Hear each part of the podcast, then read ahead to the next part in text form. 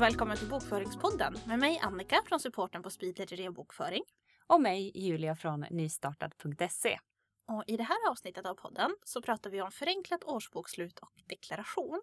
Vi kommer främst att prata om enskilda firmor, men även du som har ett mindre aktiebolag får göra ett förenklat årsbokslut. Förenklat årsbokslut får du normalt göra om du har en omsättning på högst 3 miljoner kronor. Och med omsättning så menar jag den sammanlagda summan av företagets intäkter från sålda varor och tjänster under året. Ja, och senast den 2 maj ska ju du som har ett litet företag ha lämnat in din inkomstdeklaration. Och, men redan kanske i januari, februari där någon gång så hade du säkert bokfört klart hela 2016. De flesta brukar ha gjort det redan då. Du behöver inte ha gjort det då. Du kan göra det vid senare tillfälle också. Eh, och då pratar vi såklart om alla er som har ett vanligt eh, kalenderår som bokslutsår. Har du ett brutet räkenskapsår så kan ju ditt bokslutsår börja och sluta lite när som och då har du lite andra datum att ta hänsyn till. Men just idag så pratar vi mest om er som har ett vanligt räkenskapsår. Och om du är lite osäker på hur ditt räkenskapsår ser ut så är det så att som enskild firma så har man alltid kalenderår. Däremot kan det första året vara förkortat eller förlängt. Men det baseras alltid på kalenderåret. Ja, så det avslutas alltid den sista december, eller hur? Precis. Ja. Och nu är det då dags att avsluta 2016. Och vad det innebär, det, vad innebär det då att man ska ha gjort klart sitt år? Jo, man ska ha bokfört klart allt och lämnat in sin momsrapport. Och har du handlat med andra EU-länder under 2016 och har årsmoms, då borde du ha lämnat in den den 27 februari. Och har du inte haft någon EU-handel, då ska den här momsrapporten lämnas in senast den 12 maj. Och just det här med momsen brukar ju vara den stora pucken. Att man gör klart helt enkelt på året. Mm. I slutet sådär. Precis. Men har du ett lager till exempel, att du handlar med varor eller att du bunkrar upp varor så att säga. Eh, så behöver du inventera det och då är det god tid att göra det nu, pronto. Och att inventera lager betyder helt enkelt att du räknar ihop hur mycket ditt nuvarande lager är värt.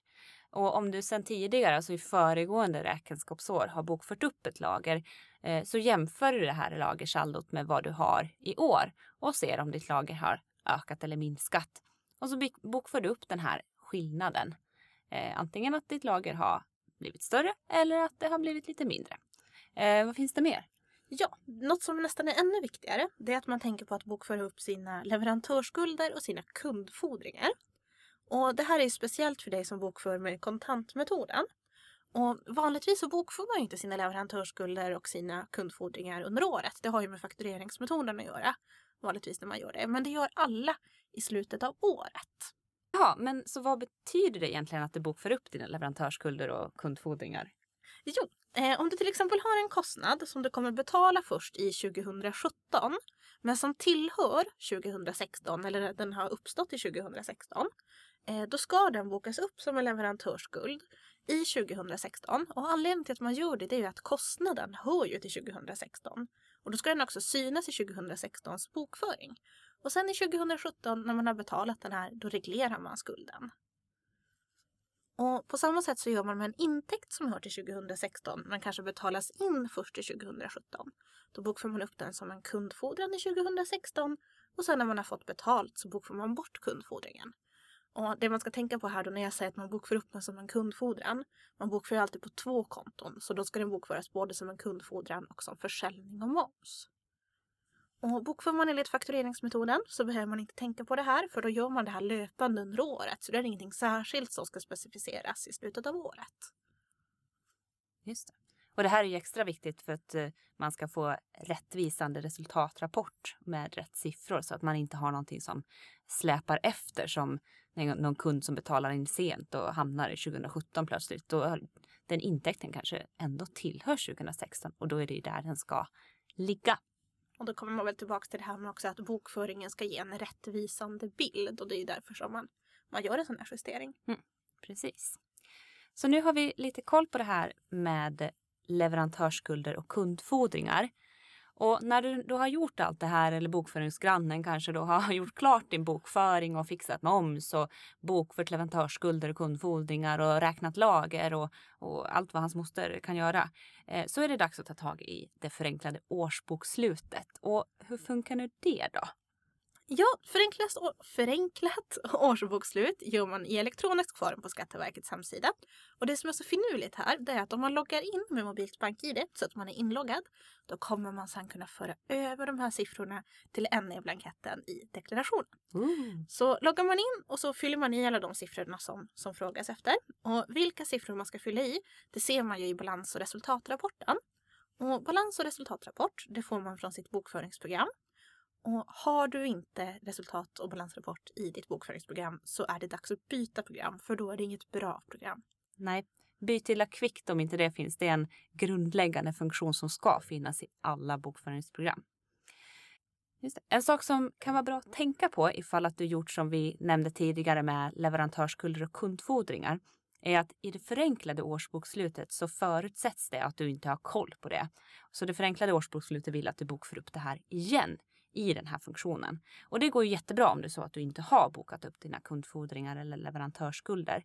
Men om det är så att du har gjort precis som vi just beskrev med kundfordringar och leverantörsskulder så kan du helt enkelt hoppa över det steget och lämna de rutorna tomma.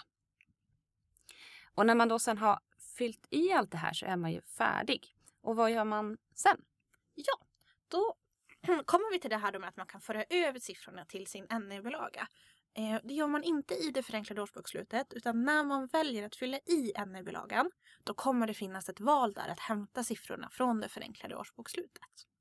Och NE-bilagan är ju för dig som har en enskild firma, det vill säga inkomst av näringsverksamhet för enskilda näringsidkare som det så fint heter. Och det är den som blanketten som du deklarerar din enskilda firma helt enkelt. Så det förenklade årsbokslutet, det ska inte lämnas in utan det är för din egen skull. Och när du har gjort det här, då är du klar. Och sen så måste du lämna in din egna deklaration också naturligtvis. Ja, såklart. Men om du är aktiebolag tänker du nu, vad gör du då? Funkar det på samma sätt? Eh, och det funkar ungefär på samma sätt om du har ett litet aktiebolag. Då får du göra ett förenklat årsbokslut. Men du behöver också göra en årsredovisning som ska in till Bolagsverket. Och en årsredovisning innehåller en förvaltningsberättelse, en resultaträkning, en balansräkning och noter. Och för större företag så behöver du också lämna in en kassaflödesanalys. Men har du ett litet AB så behöver du inte bry dig om det. Eh, så om ditt aktiebolag räknas som ett mindre bolag kan du välja att göra din årsredovisning enligt de så kallade förenklade reglerna. de kallas för K2-reglerna. Eh, men har du ett större aktiebolag så behöver du följa huvudregelverket som kallas för K3. Och nu kanske du märkte att Julia sa resultaträkning och balansräkning och inte resultatrapport eller balansrapport. Och det beror på att resultatrapporten och balansrapporten får du ut ur ditt bokföringsprogram. Men inte resultaträkning eller balansräkning. För det är en lite mer sammanfattad version av de här rapporterna. Om du går in på speedagent.se och söker på mallar så kommer du hitta en artikel som visar vad du ska göra i din bokföring vid årsskiftet. Och där finns också färdiga mallar som du kan ladda ner så du kan göra om dina rapport rapporter från programmet till räkningar som ska in till Bolagsverket. Ja, och det här var ju ganska mycket information på en gång nu då. Eh, och deklaration eh, kan ju kännas ganska tungt och tråkigt och det är ju ganska mycket på en gång. Jag tror varje år man kommer till deklarationen så känns det ju alltid så här, men igen, det var ju nyss. Fast så känner jag också med min födelsedag så att eh, ja, det är väl lite strunt samma. Nej men det är ju så, man får tänka att det är sjukt skönt när det är klart. Ja. Precis, så sätt igång och gör det. För den 2 maj är sista dagen att lämna in deklarationen. Och om du fastnar någonstans så brukar det gå alldeles utmärkt att ringa till Skatteverket och fråga vad i hela friden de vill att det är du ska fylla i den där rutan. Eh, nu när det drar ihop sig till deklaration så kan det vara lite kö på telefonen eller ganska mycket kö till Skatteverket. Eh, men är du väldigt osäker så slår de en signal ändå. Det kan, det kan vara värt det så att du inte åker på något, något fel där. Och är det så att du känner att fan vad då deklaration? Det här har jag ingen koll på, jag har ingen aning. Vad då bokföring? Nej, eh, då, så kan man också känna. så kan man känna också. Men ett litet tips då det är att det går att ansöka om anstånd inne hos Skatteverket. Man kan fylla i direkt i, på hemsidan där. Och jag tror att det är två veckor du får så då kan du köpa dig lite mer tid om du har någon, någon typ av anledning. Så det kan vara värt att, att kolla om det verkligen känns helt kaos. Ja, men vill du lära dig mer om bokföring så kan du också kolla in våra webbkurser på speedledger.se webbkurs. Och har du några frågor eller förslag på vad du vill att vi ska prata om så mejla oss jättegärna på bokföringspodden speedledger.se. Ja. Och i nästa avsnitt av Bokföringspodden pratar vi om kontoplanen och hur du ska tänka på när du ska välja bokföringskonton. Trevlig bokföring!